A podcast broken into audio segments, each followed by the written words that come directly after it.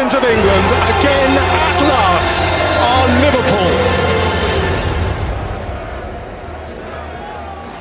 Selamat malam Hanif. Oke, apa kabar? Sehat? Alhamdulillah sehat. Lo gimana? Alhamdulillah, gue baik dan begini-begini saja gue. mah. Oke. Malam ini gimana? Begadang atau tidur atau nonton apa gimana nih? Eh, insya Allah nonton. Tapi tidur dulu gitu. iya dong, tidur dulu kan jam 3 nanti. Mau begadang sampai jam 3. Wow.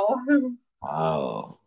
Sekarang gue juga nonton sih, bener, nonton pengen nonton Milan sebenarnya. Hmm, malam ini banyak jadwal ini ya. Banyak Iya, pertandingan menarik. Boxing Day, Boxing Day menjelang Natal itu gila-gilaan lah. Oke, kita Iya. bakal bahas apa dah? Gimana? Bakal bahas apa nih yang menarik untuk dibahas hari ini? Oke, jadi eh, kalau menurut gue yang menarik nih ya tetap ya karena gue fans Tottenham. jadi bes eh, besok dini hari ini ada pertandingan yang cukup apa ya cukup cukup cukup krusial gitu. Soalnya memperebutkan posisi puncak di Liga Inggris. Oh, Kita iya, ada. Tottenham dan Liverpool. Eh sebetulnya raihan poinnya masih sama ya. Raihan poinnya masih sama-sama 25 dan sama-sama belum kalah di lima pertandingan terakhir. Mereka cuman beda di eh, golnya aja. Menarik ya pertandingan ini. Iya, jadi eh, eh, malam ini ya gua gua mau nonton gitu. Ini sebenarnya bukan pertemuan antara Klopp dan Mourinho ya. Kita mengesampingkan itu dan kita tetap membawa eh, pertandingan besar antara Liverpool dan Tottenham Hotspur yang bakal di, di Anfield kan di Anfield ya. Di Anfield iya. Iya. Sebenarnya Spurs kan punya rekor buruk lah kasarnya di Anfield itu. Oh Buruk- iya? buruknya itu buruk banget gitu loh. Buruk, buruk banget. Dia dari 26 kali ke kita melihat statistik ya, cuman gue nggak terlalu suka statistik, cuman kita bahas stat- statistik. Dari 26 kali dia ke Anfield atau ngelawat ke Anfield Stadium itu satu kali cuma menang, sisanya 17 kali kalah dan imbang sisanya. Itu sebenarnya kayak eh, bukan mem- bukan bukan jadi pesimis sih, cuman dalam statistik untuk pertandingan di Anfield ya cukup berat gitu untuk Spurs ya.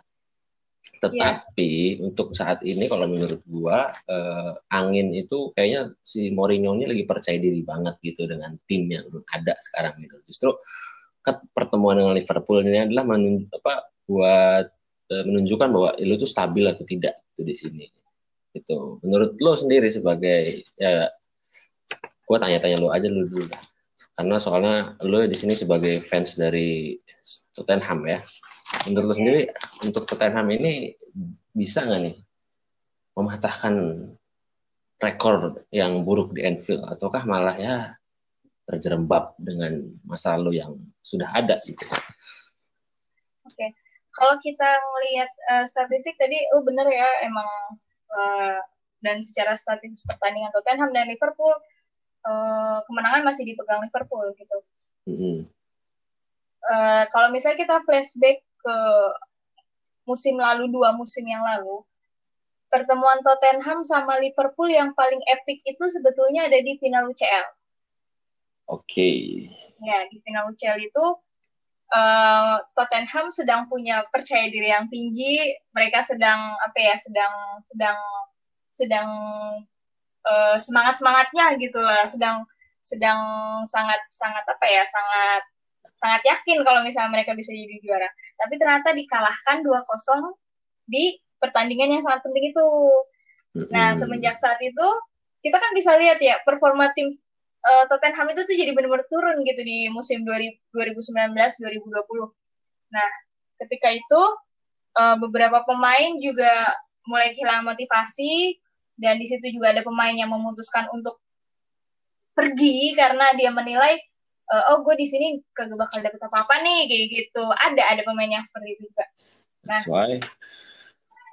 nah terus setelah itu setelah itu kan um, Mourinho masuk musim kemarin juga dia masih masih bilang begini uh, nggak gampang mengembalikan kepercayaan diri pemain yang sudah pernah dipatahkan semangatnya ketika mereka sedang berapi-apinya di kayak gitu.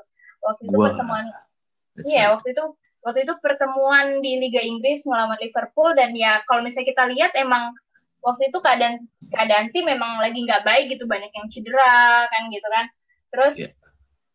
ya terus uh, Mourinho selama musim kemarin tuh kelihatan sekali berusaha buat uh, naikin kepercayaan dirinya Spurs gitu nah menurut gua di pertandingan sekarang ini kita lihat nih hasil kerja Mourinho kemarin yang udah yang udah bersusah bersusah payah buat ayo ayo kamu bisa meskipun Liverpool udah pernah memberikan sebuah apa ya sebuah pelajaran gitu dalam tanda kutip pelajaran gitu ya.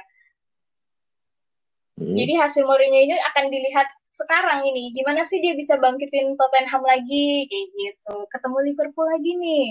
Jadi menurut gue sih pertandingan malam ini tuh emang bener-bener penting bukan bukan secara poin apa segala macam gitu posisi bukan tapi lebih ke mental pemain. Okay. Kalau misalnya malam ini mereka bisa mengalahkan Liverpool, mereka pasti akan lebih percaya diri buat menghadapi pertandingan-pertandingan berikutnya mau di WL atau di Liga Inggris sendiri. Menurut gue bah, kayak gitu sih. Bahkan kalau misalkan dia bisa menang lawan Liverpool, hmm? dia percaya diri ya untuk juara di Liga Inggris itu bakal meningkat pasti ya.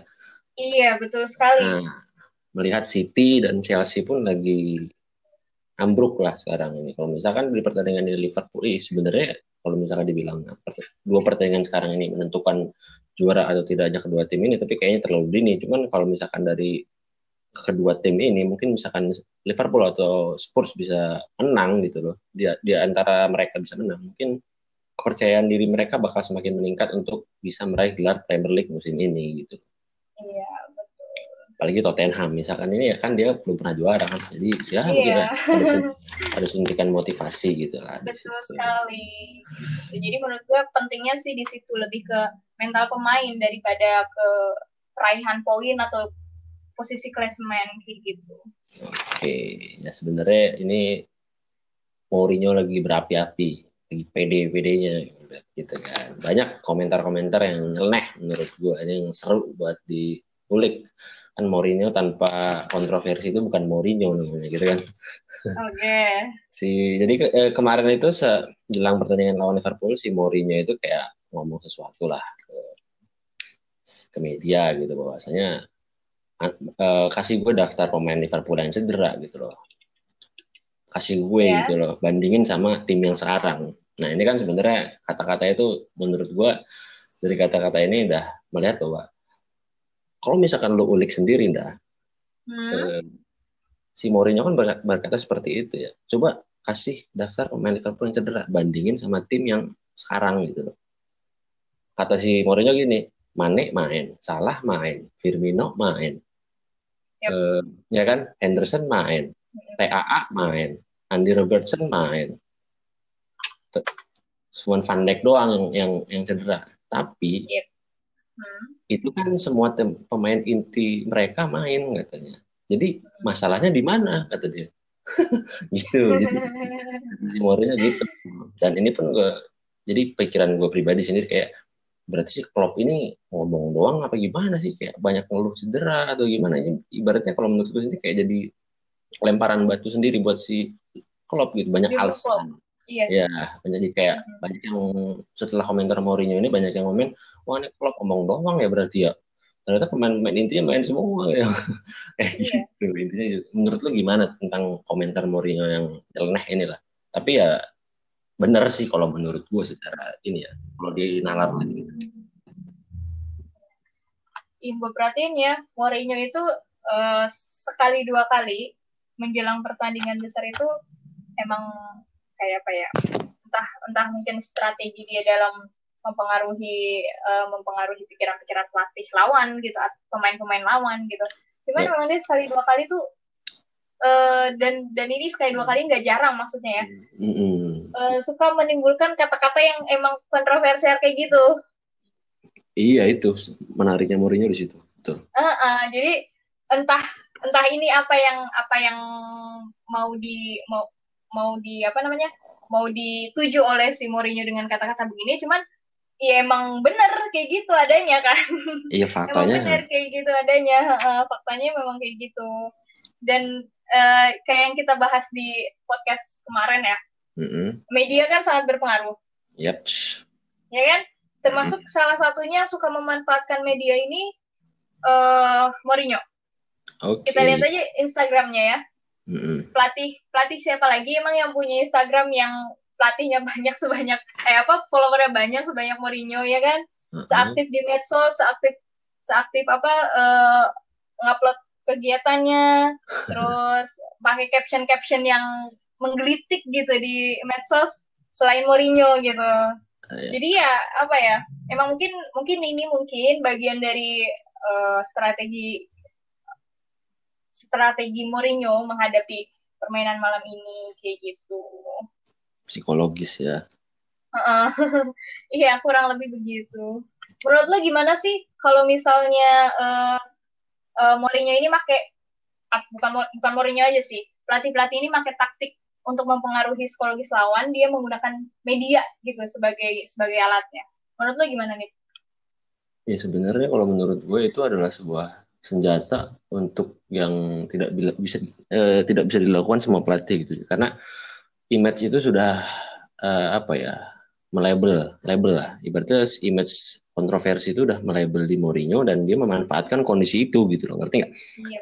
Jadi ya udahlah gue udah image gue udah begini gitu loh. Gue sering membuat kontroversi dan gue sering membuat kata-kata yang nyeleneh dan menjulur untuk bukan mengintimidasi ya, mempengaruhi kali ya, mempengaruhi gitu. Hmm, jadi jadi jadi mungkin tim yang tim lawan pun mungkin agak uh, apalagi laganya krusial gitu. Mungkin ada, agak berpikir maksud lo apa? Dan dan bingung juga untuk ber, berkata apa juga si lawannya tersebut. Kayak si Klopp juga sebenarnya dia malah memuji Mourinho gitu. Mourinho pelatih hebat dan uh, tidak miskin taktik. Walaupun permainannya pragmatis. Kalau banyak yang orang mencela kan Mourinho tuh yeah. ya iya. permainannya tidak indah lah. Permainannya tetap aja dalam sepak bola kita yang dilihat hasil akhir gitu kan. Yeah. tuh maksud gue. Tapi ya ya itulah Mourinho keunikan dari seorang Mourinho itu gitu. Beda. Iya betul.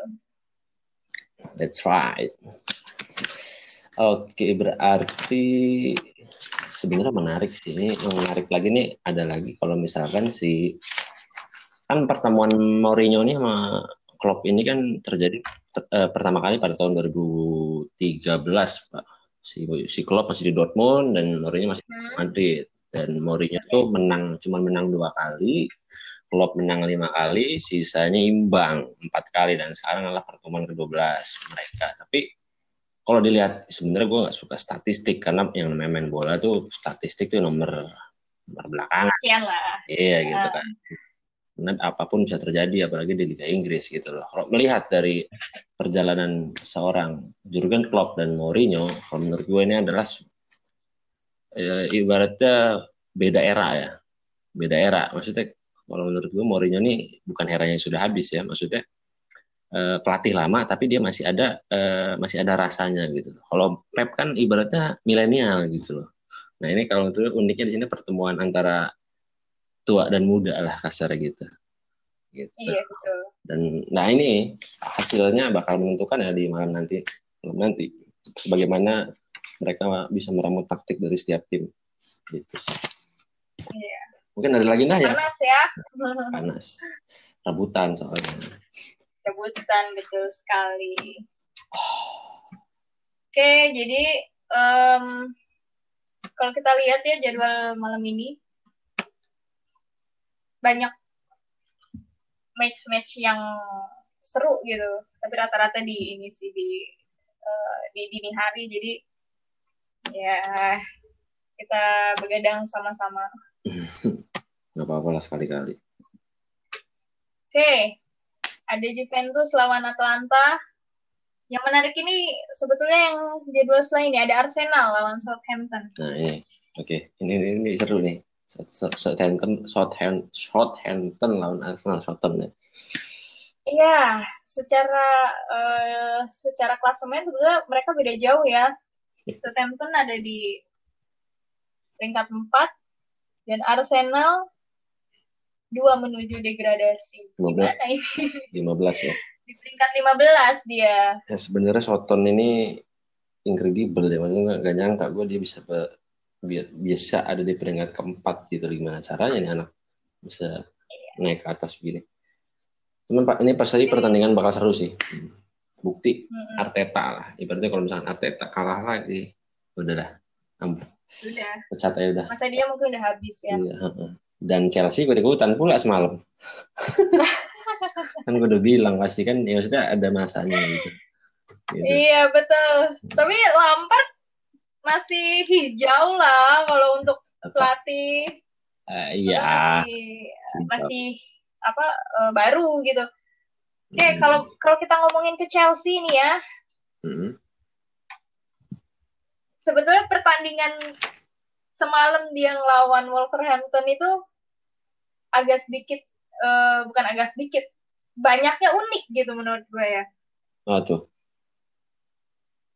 Pertama karena uh, gol kemenangan Wolf yang ada di menit 95 injury time. Pedro Neto ya? Iya. Dan serunya lagi, gol ini tuh dikasih, uh, diasis oleh Pereira yang baru masuk ke menit 90. Kalau secara uh, kita ngeliat possessionnya sebetulnya nggak nggak terlalu ini ya, nggak terlalu jauh. Chelsea 55, Wolves 45, jadi ya masih bisa apa ya, masih seimbang lah kedua tim buat saling nyerang gitu. Cuman ya keberuntungan ternyata ada di Wolverhampton kelihatan dari uh, golnya. Kalau menurut gue sih Chelsea terlalu bermain individual ya semalam itu. Gue ngeliat hmm. highlightnya sih, highlight panjang lah, sekitar 20 menit lah. Soalnya kan gue pengen buat konten juga, jadi harus ngeliat yang banyak juga. Iya. jadi kalau Chelsea ini kan semalam gue lihat terlalu mengandalkan individual tidak tidak sama timnya tidak dan Lampard ini kan memang udah mulai ke Ateta warning lah sebenarnya buat Lampard ini warning berarti dia dia di dua pertandingan terakhir dia kalah pertama lawan Everton dan terakhir sekarang lawan Wolves gitu kan jadi uh, kan karena Lampard gini gini dah maksudnya ini berhubungan juga dengan media ketika yeah. Ole kalah bully buat Ole. Karena dia orang hmm. bukan orang Inggris ya kan? Dia orang yeah. Wales oke. Okay. satu terus Arteta kalah bully karena dia orang Spanyol. Lampard kalah nggak terlalu banyak yang bully karena dia orang Inggris ya kan? Satu. Jadi mungkin tekanan untuk Lampard juga belum terlalu banyak dan karena di saat kedua juga dia orang Inggris. Nggak mungkin media Inggris banyak yang membuli dia sedikit mungkin ada tapi tidak banyak gitu soalnya penggemar penggemar Chelsea-nya aja. Dan di sini kan kalau gue lihat Lampard ini kan itu maksudnya dia mungkin ya ini sih pendapat gue dia terlalu memanjakan pemain-pemain timnas Inggris kayak Rich James terus Mason Mount. Berarti yang pemain-pemain yang itu itu aja dia pakai gitu kan. Maksudnya lu ada harusnya ada ada rotasi yang benar-benar bisa lu lakukan sesuatu lah di pertandingan gitu kan. Nggak bisa hmm, mainin pemain pemain yang ya udah misalkan main jelek ya udah lu istirahatin dulu gitu loh. Lu banyak cadangin dulu. Nah itu tapi tidak dilakukan Lampard gitu loh. Kalau menurut gue ya bukannya sok tahu atau gimana karena gue juga belum tahu kondisinya gitu kan. Cuman gue melihat dari sisi eksternal lah ibaratnya gitu. Kalau Lampard ya, ya menurut gue warning sih buat dia. Karena kekalahan kedua ini terakhir ini buat jangan sampai kejadian ini bakal sama kayak Arsenal gitu. Gitu kalau menurut gue hampir kayak Arsenal gitu kalau Lampard. Soalnya gini dah Lampard itu di musim kemarin di musim kemarin ya yang dia peringkat tiga kalau nggak salah. Peringkat dua tuh lupa gue peringkat tiga sorry. Tiga. Tiga apa dua tuh? Tiga ya? Tiga.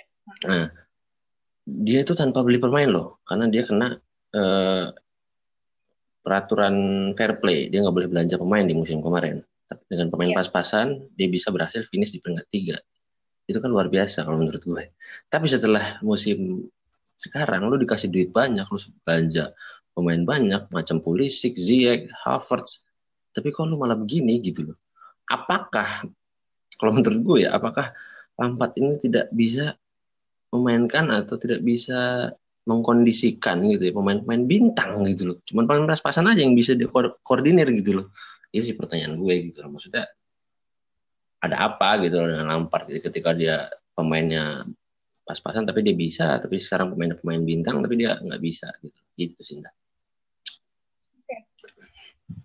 Nama-nama baru yang kemarin masuk di squad Chelsea emang uh, maksudnya kita lihat udah udah bagus gitu mainnya ya. Hmm. Udah banyak yang jadi bintang.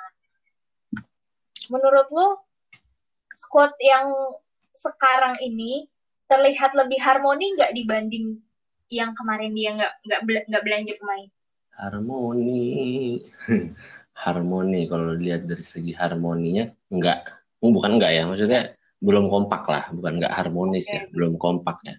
Kalau lihat dia masih bermain individual yang tadi gue bilang, kerja sama timnya kurang karena mungkin juga masih proses uh, beradaptasi. Jadi kayak macam uh, siapa namanya kayak Havertz, kayak Havertz terus si uh, Pulisic atau Ziyech juga mungkin masih eh, Warner, Timo Werner juga mungkin masih beradaptasi. Jadi ya ya sebenarnya adaptasi cukup sih kalau menurut gue karena ya tergantung Lampardnya gimana dia bisa mengondisikan pemainnya gitu loh.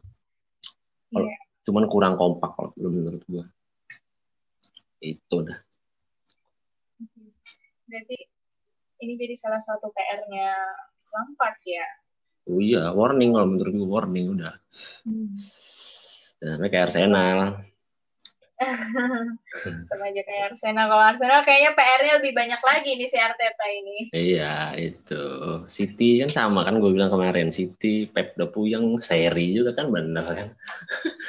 Iya. Puyeng. Kalau gue lihat City kemarin kayak Sterling. Aduh itu dandanin rambutnya tiga jam. Mainnya nggak fokus rambut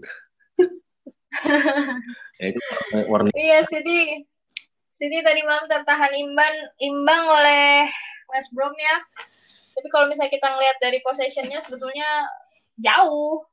Bagus mainnya bagus. Cuman mm -mm, mainnya bagus. Cuman uh, eh, gue nggak ngerti deh kenapa ya? Maksudnya pemain-pemain kalau misalnya udah udah apa ya sudah sudah uh, tidak fokus gitulah tidak fokus terhadap pertandingan atau ya bermain bermain dengan bermain dengan apa ya bermain dengan nyaman sampai-sampai dia terlalu nyaman gitu. Kadang-kadang ada aja yang ini yang error kayak finishingnya lah nggak beres defense-nya yang nggak beres kayak gitu. That's nah right. ini semalam terjadi sama City ini hmm, itu. Padahal kalau misalnya kita ngeliat main maksudnya posisinya kan uh, udah bagus dia nyerang di counter gitu kan. Cuman ketika mereka nyerang nyampe depan gawang tendangnya ke mana? Kayak gitu. Banyak banyak kayak gitu. Iya iya iya. Apakah itu adalah kesalahan seorang pelatih? Bisa jadi, jadi. bisa jadi pemainnya juga ya nggak sih? Iya benar. Masalahnya itu yang tadi gue bilang apa ini kadang anomali juga kalau kita nyalahin pelatih pure pelatih gitu sebenarnya. Kadang pemain hmm. pelatih udah ngasih taktik lo begini lo begini di lapangan lo ketika di depan lapangan jangan gini gini gini tapi pemainnya malah gitu gitu kan. Kayak misalkan umpan yang nggak beres gitu kan. Jadi sebenarnya ya tergantung pemain balik lagi ke pemain dan tergantung si pelatihnya juga gimana dia mengondisikan timnya gitu. Iya betul sekali. Tapi tetap ya sebuah tim permainan sebuah tim itu adalah tanggung jawab manajernya. Mm -hmm. otomatis mau gak mau. Oke. Okay. mantap malam ini sebenarnya aku senang banget sih banyak bola. Cuman aduh kok hari hari Rabu gitu ya? Hari, hari Kamis gitu. Kudu begadang dini hari semua ini. Iya. jadwalnya juga banyak yang samaan. Nah. Leicester ketemu uh, Everton malam ini Leeds United sama Newcastle. Di Bundesliga kita punya München. Lawan apa dia? Sama sebentar sama Wolfsburg. Wolfsburg. Hmm. Inter nanti malam ketemu sama Napoli. Ah, ini ramai. Nah, Milan sama Genoa. Menurut lu gimana sih Inter sama Napoli ini kayaknya uh, ngelihat-ngelihat dari sisi Inter ya, dia harusnya harusnya menang gitu. Oh iya, lo- Soalnya kan um, dia ya sekarang zamannya udah turun gitu lah ya.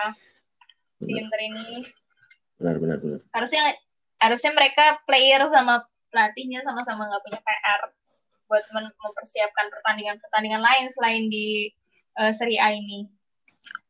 Ya karena Menurut lo Napo- gimana? ya satu karena Napoli pun sebenarnya sekarang musim ini lagi hancur banget ya Napoli semenjak dipegang Gattuso gitu kan. Jadi permainannya itu eh, tidak konsisten kayak musim-musim sebelumnya yang selalu merepotkan Juventus di peringkat kedua kan. Biasanya kan gitu, Juve, Napoli, Juve, Napoli. Biasanya dulu kan seperti itu dua musim terakhir kayak gitu. Dan sekarang Iya. Napoli eh, lagi ibaratnya lagi bingung atau lagi hancur lah gitu.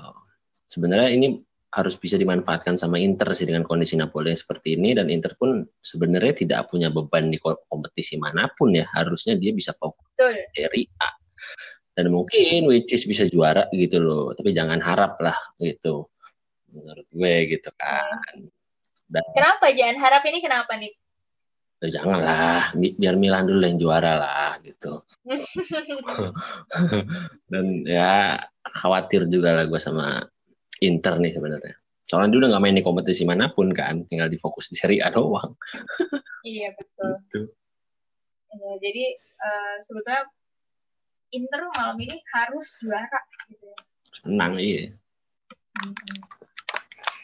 Lalu di selanjutnya ada Fulham ketemu sama Luton Albion, West Ham sama Crystal Palace, PSG tadi malam main sama Lorient terakhir ada Barca lawan Sociedad. Oke, Sociedad. Oh malam ini ya, rame malam ini. iya Boxing Day. Memang Iya benar. jadwalnya kejam memang. Gila, bikin pemain stres. Iya. Mau Natal malah olahraga. gitu. Padat lagi jadwalnya kan? Iya, padat banget malah jadwalnya. Terlalu ini. Tapi emang setiap tahun memang begini sih, wajar lah. Oke,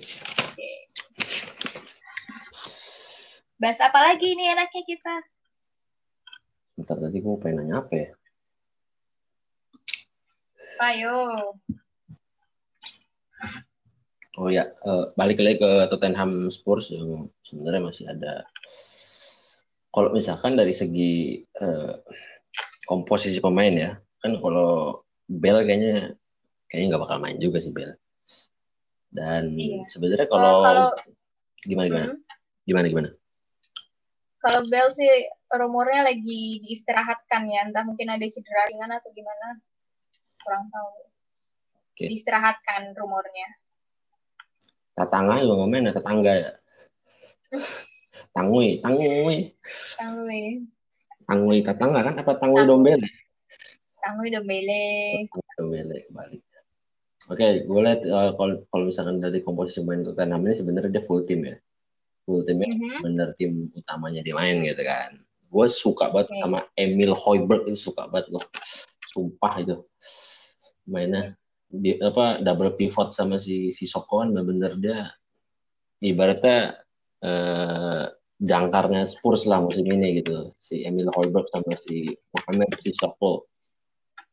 Iya, betul. Nah, kalau misalkan kita lihat susunan pemainnya yang ini kan masih sebenarnya masih prediksi lah ya. Berkoin main nggak berkoin? Kemungkinan besar eh, dia dimainin, kalaupun enggak mungkin diganti sama Lukas Moura. Kemungkinan besar itu yang bakal diturunin oleh Mo. Nah, ini ada satu lagi gue bahas nih. Kan si gini, Liverpool ini kan mungkin sudah membaca ya strategi Mourinho yang suka bermain quick counter ya. Berarti yang pemainnya pastilah kita nggak nggak menutupi itu pasti Jurgen Klopp ini belajar dari pengalaman-pengalaman pertandingan Tottenham seperti ngelawan MU, melawan Arsenal yang mereka bisa mencetak gol dengan gaya quick counter gitu kan. Nah, Ya, kalau gue lihat Liverpool terakhir lawan City, City sorry, uh, Leicester ini kan dia menang ya tiga kosong kalau salah dan permainan Leicester pas melawan Liverpool ini hampir sama dengan Tottenham Hotspur gitu loh. Okay. Ibaratnya dia uh, menerapkan sistem bertahan juga seperti Spurs gitu dan alhasil Liverpool bisa menang. Nah ini kalau gue lihat pertandingannya, gue sempat lihat highlightnya juga waktu itu.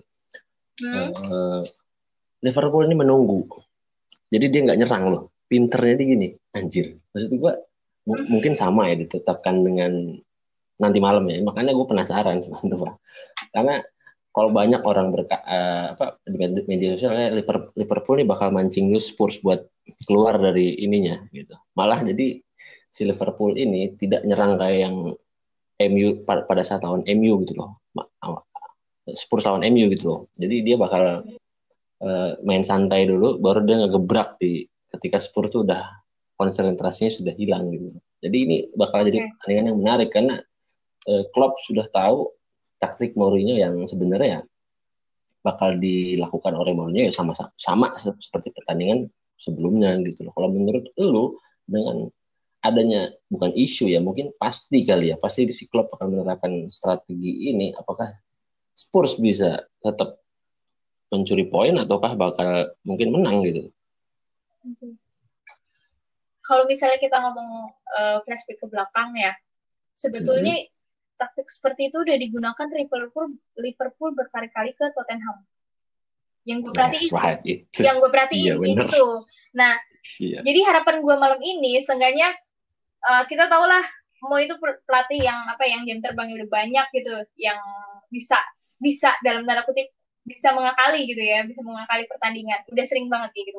Jadi gue harap sih uh, buat pertandingan malam ini mau bisa lebih apa ya lebih kreatif gitu di lapangan buat ngatur strategi menyiasati permainan klub yang emang udah dipakai seperti itu berkali-kali terhadap Tottenham. Gitu. Emang udah udah sering sih kok kalau gue perhatiin ya cara klub ini oke okay, uh, uh, boleh dioper sana sini sini main santai. Gak taunya pas uh, pas mereka ngeliat ada celah pemain sudah mulai apa sudah mulai berusaha buat merebut bola mereka itu mulai ini mulai menyerang kayak gitu.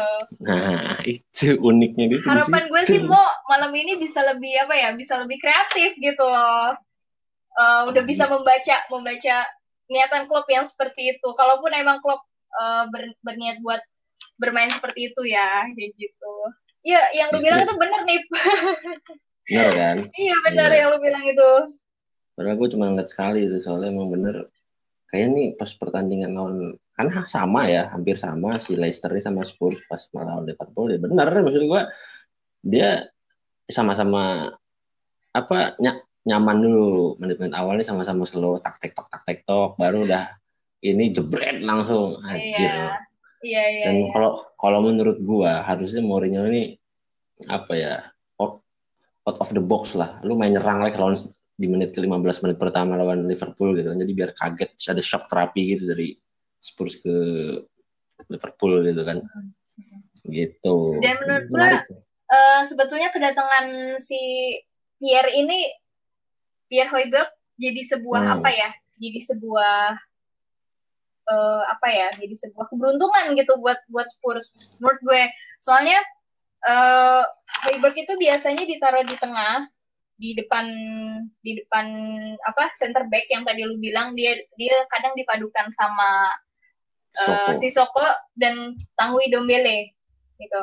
Yeah. Jadi hmm. ibaratnya sebelum nyampe ke defender nih di tengah udah ada udah ada dindingnya dulu nih kayak gitu. Kayak double nah, pertahanan kayak gitu kan. Jadi uh, buat attacking midfielder sama untuk striker mereka bisa bebas menyerang gitu. Yang gue senang dari Pierre juga kayak gitu tuh. Digadang-gadang sebagai pembelian terbaik Spurs untuk musim ini. Emang emang menurut gue dia pembelian terbaik buat Spurs di musim iya. ini benar. Dan gue juga kaget sih sebetulnya. Oh gila nih, nih ini uh, si Pierre kayaknya Spurs gue beruntung banget gitu punya punya si Pierre di tim gue kayak gitu. Saking emang iya bagus mainnya gue gue gue udah apa?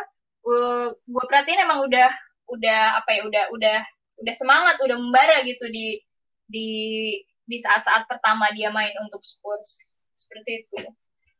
Hmm ini bisa jadi tempok pertahanan kedua lah Ya ini double double pivot sama si Sisoko kalau menurut gue. Dia kalau gue lihat ya Sisoko juga bisa jadi tandem yang oke buat si Emil. Emil apa Emir sih? Pierre ya? Emil Iya, Pierre ya? uh, Pierre Emil Højbjerg.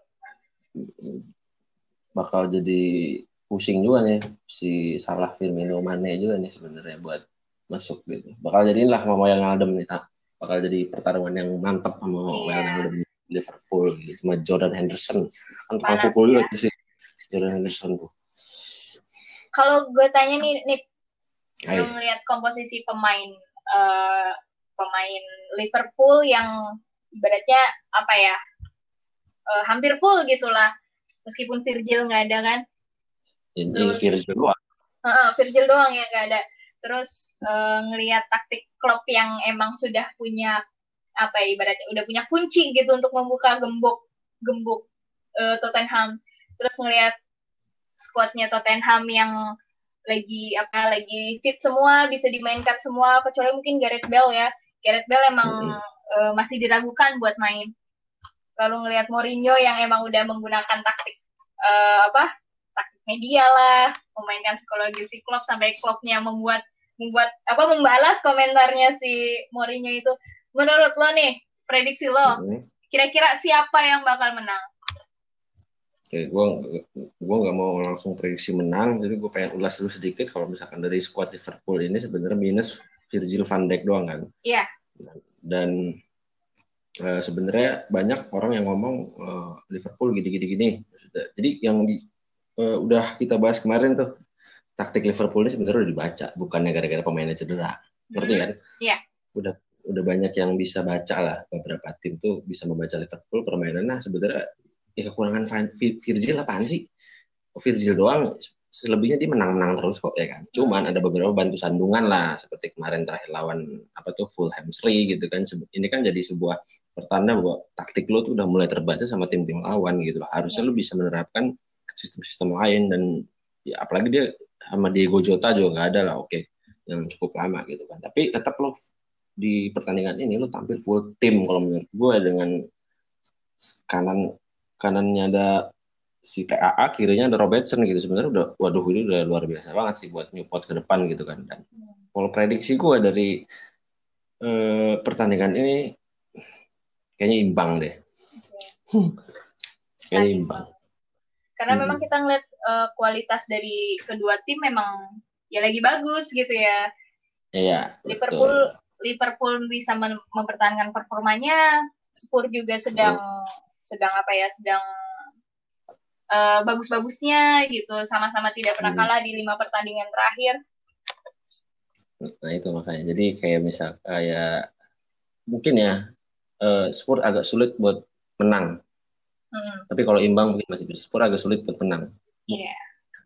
Karena tradisi di Anfield itu juga yang dia statistiknya mah sulit menang lah itu cuma sekali menang dari 26 26 kali ke Anfield cuma sekali menang kan gila. Hmm.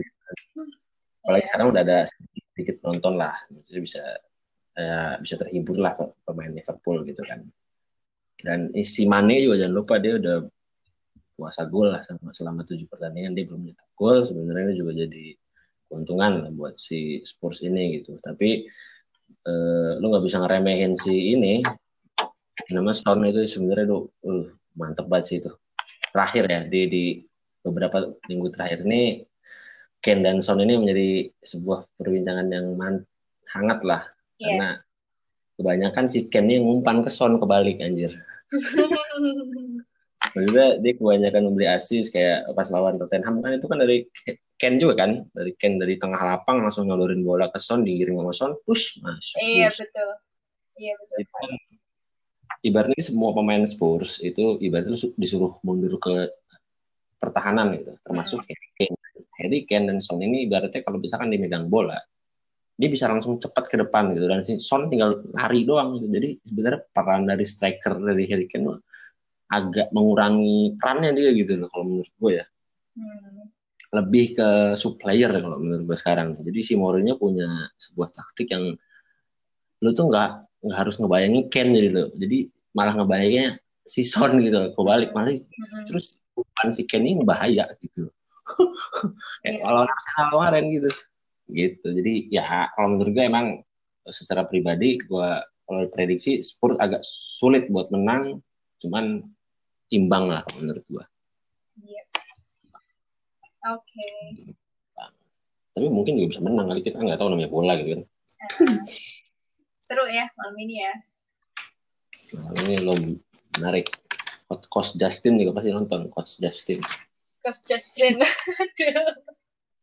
ayam sayur ayam sayur kan diajak ayam sayur tuh Tottenham Jadi dia yang ngomong pertama ayam sayur ayam sayur itu ya ampun deh.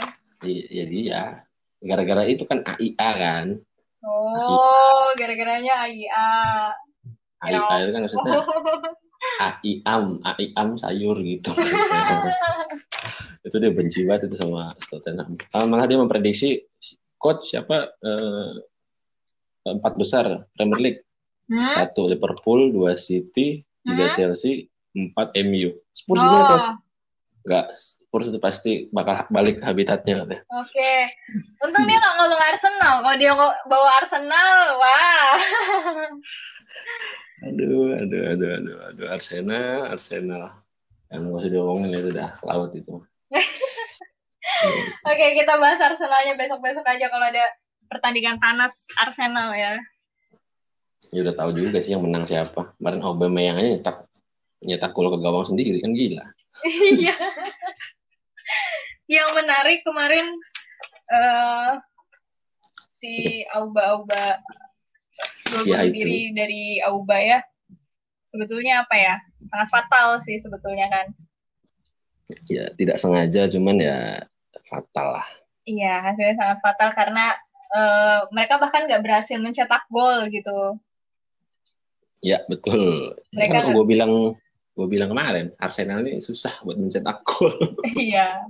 Sekali nyetak gol ke gawang sendiri. Aduh. Ya, Eh, Gila. Arsenal deh. harus lebih banyak berusaha lah ya buat eh, buat apa? Buat meng- mengembalikan performa terbaiknya. Oke. Apalagi yang mau dibahas dah? Kayak udah cukup dah itu kalau buat Spurs dan Liverpool ya. Oke. Kita tunggu aja pertandingan selanjutnya. Eh pertandingan malam nanti. Iya. Video.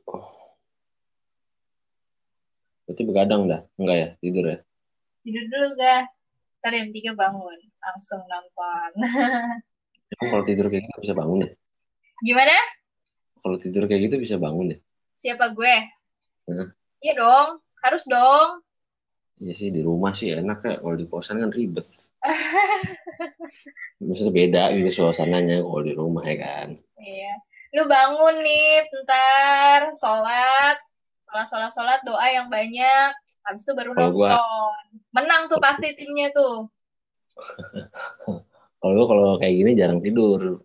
Jadi misalkan jam satu nih sholat dulu, Hah? tiduran sebentar, malah nggak bisa tidur, kepikiran gitu, ngerti kan? Iya, kepikiran. Kan aneh gitu loh. Jadi Oke. malah nggak bisa Pagi langsung kerja, udah gitu. Biasa begitu gue. Kalau malam minggu ya, kalau ada bola ya.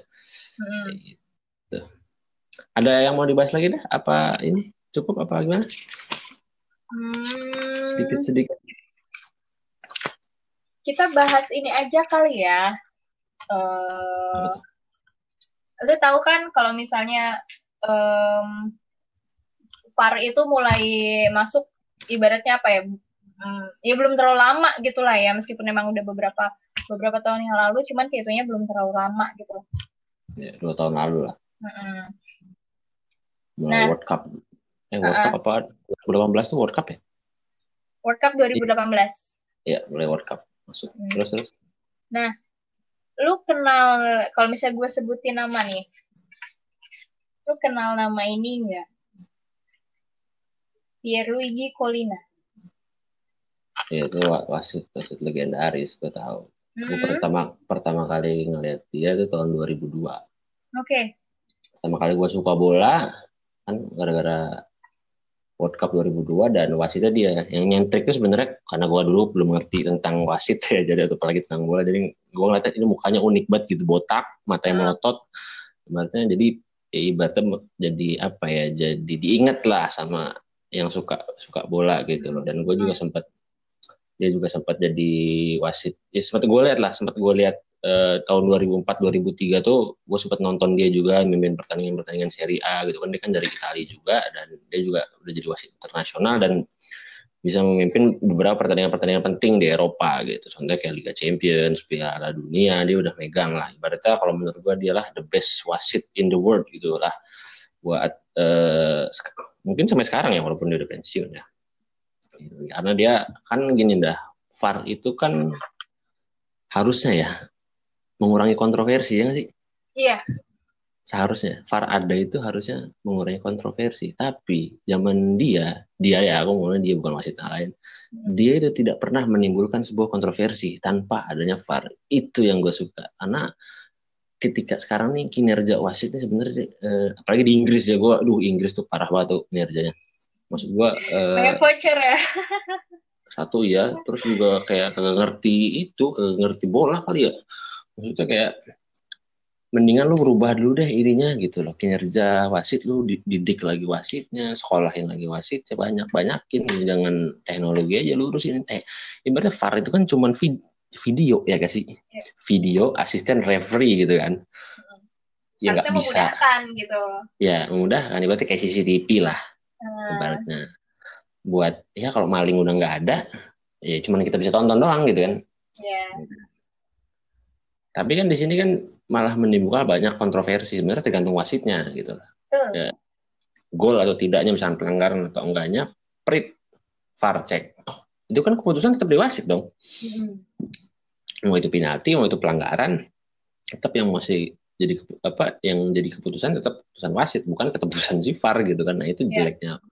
VAR tuh menurut gue bagus, cuman harusnya didiklah sebuah wasit itu menjadi wasit yang benar-benar profesional gitu loh. Banyak banyak soalnya kasus di apalagi di Premier League gitu banyak banget yang ya kayak contoh Liverpool yang itu banyak yang menguntungkan Liverpool atau misalkan MU jadi sebetulnya itu kan sebuah ini ya kayak isu atau sebenarnya kayak eh, apa ya pemberitaan di media cuman kan harus bisa diyakinin juga dengan kinerja wasit yang bagus lah gitu yeah. kayak si Colina itu Colina itu sebenarnya kayak itu dia wasit eh, pemain tuh nggak ada yang takut sama dia eh nggak ada yang takut takut semua lah kalau dia mimpin wasit tuh karena dia tuh nggak ada yang berani komplain gitu loh dah kan yeah. kalau zaman sekarang kan dikit-dikit protes ngambek gitu zaman dulu mah yeah. kalau wasit wasit wasitnya dia malah disamperin namanya dipelototin gitu loh uh. gitu jadi benar-benar uh, menjadi trademark lah buat gitu ya. icon uh. wasit lah gitu the best lah terakhir tuh ya gue liat 2004 kayaknya terakhir dia kan banyaknya emang di Serie A lah dia terkenal di Serie A. Karena dulu zaman dulu kan Serie A lagi booming boomingnya dan wasit pun jadi dia doang yang terkenal di Serie A itu gitu loh. Banyak lah di Inggris juga mungkin ada gitu cuman gue nggak tahu. Cuman kalau VAR ini kalau menurut gue ya gue sebenarnya orang yang nggak setuju dengan adanya VAR sih. Lu gimana? Kalau lu setuju gak? Kalau gue ya kalau misalnya emang uh, VAR itu digunakan dengan baik. Yeah. Yang kayak lu bilang tadi kan banyak kontroversialnya ya. Kadang-kadang hmm. uh, oke, okay, Prit pelanggaran, cek VAR gitu. Cek VAR-nya aja tuh bisa sampai berapa menit setelahnya baru diambil keputusan kasih penalti kayak gitu kan. Kok bisa sampai selama itu cuma gara-gara lihat video gitu ini pelanggaran nggak ya? Pelanggaran nggak ya? Kayak gitu. Kalau misalnya yeah. lama buat mutusin itu sebuah pelanggaran atau enggak karena sebuah VAR bisa jadi itu bukan pelanggaran kayak gitu. Kelamaan nimbang kata gue mah. Iya betul. Ibaratnya kayak gol nih. Golnya kontroversi. Gol hmm. lu nunggu dua menit pemain udah selebrasi cuman di jadi korek dulu lah di dilihat dulu. Ternyata nggak yeah. itu kan menjadi uh kehilangan uh, iya. pemain udah selebrasi penonton udah wuh begitu begitu uh, kadang sampai selesai selebrasi malah ya. Nah tapi nggak jadi gol. Itu kayak jadi sebuah apa ya? Uh, ya keunikan keindahan lah. Keindahan estetika dalam sepak bola itu berkurang karena ada iya betul. VAR ini sih kalau menurut gue ya. Kadang-kadang juga ada pertandingan tuh udah sampai dilanjut lagi VAR-nya masih dicek tahu-tahu di tengah pertandingan di print lagi dikasih ternyata dikasih penalti gitu kan. Aduh Nah itu itu itu itu itu, duh sebenarnya nggak enak banget sih. Tapi kadang nggak ada VAR juga di sebenarnya ya itu balik lagi sih ke wasitnya sebenarnya wasitnya. Iya, Yang wasitnya bego-bego apa gimana sih nggak ngerti. Itu kualitas wasit emang harus di apa ya harus ditingkatin gitu ya. Hmm. Nah, Apalagi di Inggris, si- apalagi di, apalagi di Inggris. Iya betul. Ampun memang. Dan si Colina ini seperti menjadi icon gitu ya. Kalau misalnya kita meng- eh, ngomongin kata wasit, pasti yang terlintas itu ada si Colina ini. Saking saking apa ya? Saking bersinarnya dia semasa semasa jadi wasit itu, dia eh, sampai meraih enam penghargaan wasit terbaik dari FIFA dan itu berturut-turut. Jadi ki- kita nggak usah apa ya nggak usah nggak usah mempertanyakan lagi kualitas si Colina ini ya. Emang Iya, iya. eh, julukan wasit terbaik sepanjang masa itu memang pantas diberikan buat buat dia. Yap, betul. Itu udah ini sih, udah legenda lah, sama kayak pemain lah. Ibarat wasit Iya, jadi betul. legenda. Pensiun tahun 2000, 2005 apa 2006 gitu lupa. Itulah. Iya maksudnya kehilangan lah pasti. Dulu gua pertama kali lihat bola ya lihatnya botak tuh botak anjing serem banget gitu kan. Wasitnya kayaknya ini serem gitu kan. Tapi gua nggak ngerti gitu dulu kan, cuman tahu botak doang dan matanya Iya. melotot dah. Iya. Gitu. Tapi Jadi- lu tau gak sih? Jadi eh, kenapa si Colina ini bisa sampai botak? Maksud celing eh, lu lu perhatiin gak dia kan botak bener kagak ada alis gitu, sampai gak ada alis. Lu lu Mm. tau nggak kenapa itu? Oh gua nggak tahu tuh. Kenapa tuh? Jadi si Colina ini sebetulnya menderita eh, penyakit alopecia, itu penyakit autoimun gitu ya. Ketika Hmm. usianya 24 tahun. Oh, Iya. oke. Dan eh, jadi salah satu efek dari penyakit ini itu eh, rontoknya rambut, nggak cuma rambut aja bisa sampai alis, terus eh, Dan bulu mata yang lain ya? gitu. Dan Mm-mm. rambut-rambut yang lain ya. Iya, dan itu dalam waktu nggak sampai sebulan, dia cuma 10 hari kehilangan semua rambutnya. Sampai ke alis-alisnya. Dan sebetulnya berat sih di awal di awal karir Colina ini. Jadi eh, di awal-awal dia menjadi wasit menimbulkan kontroversi di eh, Federasi Sepak Bola Italia. Hmm. Soalnya soalnya mereka menilai eh oh kayaknya ini wasit nggak layak deh jadi wasit di Liga Italia nih soalnya penyakitan kayak gitu kan jahat ya iya sampai ada sampai ada apa namanya eh wacana eh, pembahasan seperti itu. Federasi Sepak Bola Italia sempat menolak si Colina ini. Tapi eh, seiring berjalannya waktu ternyata kan penyakit dia memang tidak berbahaya. Tidak berbahaya di sini maksudnya kan nggak menular nggak menular gitu kan. Itu penyakit autoimun. Hmm. Nah, jadi dan selama itu juga dia bisa menunjukkan kualitasnya sebagai seorang wasit yang ternyata bisa memberikan apa ya performa performa yang bagus gitu lah. Gak cuma pemain berarti yang memberikan performa ya wasit juga harus memberikan performa yang bagus Iya, seperti betul. itu. Makanya itu Dan- mungkin salah satu faktor pendukung apa eh, yang kata lu tadi bukan diserem gitu kan dipelototin gitu. Iya. Ternyata ada hikmahnya juga ya dia menderita penyakit Ah. alopecia itu. Allah kan ngasih sesuatu yang ng- ngasih kekurangan tapi pasti ada kelebihan lah gitu. Iya betul sekali. Itu jadi ciri khas dia. Itu nggak ada pro, Hmm. nggak ada, nggak ada pemain. Misalkan dikasih pemain kasih kartu kuning, Brad itu kagak ada yang protes zaman dulu tuh. Maksudnya kayak Iya. kenapa kenapa kenapa kenapa kenapa gitu loh. Jadi ya ada mungkin sedikit gitu loh. Tidak kayak zaman sekarang nimbrung ngumpulin wasit. Hmm. Emang wasit kadang-kadang kadang-kadang pemainnya justru lebih galak daripada wasit ya. Dipelototin itu wasitnya sama pemain itu. Betul. Aduh, zaman udah berubah ternyata di sepak bola. Ya sebagai apa namanya ya kita sebagai penikmat ya cuma bisa melihat perkembangan aja sih seiring berjalannya waktu bakal berubah berubah berubah. Kayak Iya. gitu. Aduh nggak kerasa udah tua ya kan. Udah dua tujuh nih. hmm, udah tujuh ya. Gak apa-apa nih, yang penting tetap menolak tua. Stay young. Iya. Berjiwa Jiwa muda tetap. Hmm. Udah. Ini kalau muka nggak tahu ya. Baby face nih. Wah, berarti prediksinya aku belum nanya prediksi kamu nih. Prediksi gimana dah? Buat Liverpool, Kalau prediksi, Spurs, Ah. lain. Lu pribadi. prediksi gue pribadi ya, gue tetap berharap Tottenham menang. Karena Hmm, alasan selalu. pribadi, karena alasan pribadi. Cuman kalau misalnya menimbang dari apa ya, menimbang Realistis dari uh, uh, menimbang dari realis- realistisnya, kayaknya emang Tottenham agak sulit buat ngambil tiga poin dari Anfield ini. Jadi pukul imbang aja kayaknya udah udah apa sudah bagus gitu loh. Mudah-mudahan nanti Oke. malam eh, Spurs bisa memberikan performa terbaiknya buat tanding di Anfield. Gitu. Semoga aja nanti salah tuh Semoga. belekan ntar malam ya. Bolanya nggak kelihatan gitu. Iya nanti si si Mane am, ambeien gitu kan. Ini nggak bisa cetak gol. Anjir. Ya lumayan menarik pembahasan malam ini karena ada pertandingan yang cukup krusial. Sebenarnya gue bahas Milan cuman aduh cukup nggak ya waktunya ya? Gue pelan 4 menit lagi lah. Oke, Boleh kan gue bahas Milan sedikit? boleh dong, boleh banget. Oke, Italia lah nggak Milan doang ya. Sebenarnya Milan ini lawan terakhir kita kemarin terakhir lawan Parma ini kan imbang ya dua-dua. Gue berharap itu gue nggak nonton sebenarnya gue liat bangun-bangun anjir seri dua-dua kampret. Dan dia sempat tertinggal tertinggal 2-0 di babak babak ya babak di 70 menit 70 tuh masih 2-0 kalau nggak salah. Dan di menit-menit akhir baru mencetak gol. Nah ini sebuah warning juga sebenarnya buat Pioli, pelatih Milan Pioli dan eh, Zlatan kan absen udah hampir sebulan ya. Jadi kan nggak main ya. Itu sebenarnya agak sekarang agak mempengaruhi juga nih dari konsistensi Milan sekarang nih gitu permainannya. Apalagi nggak ada striker murni sekarang.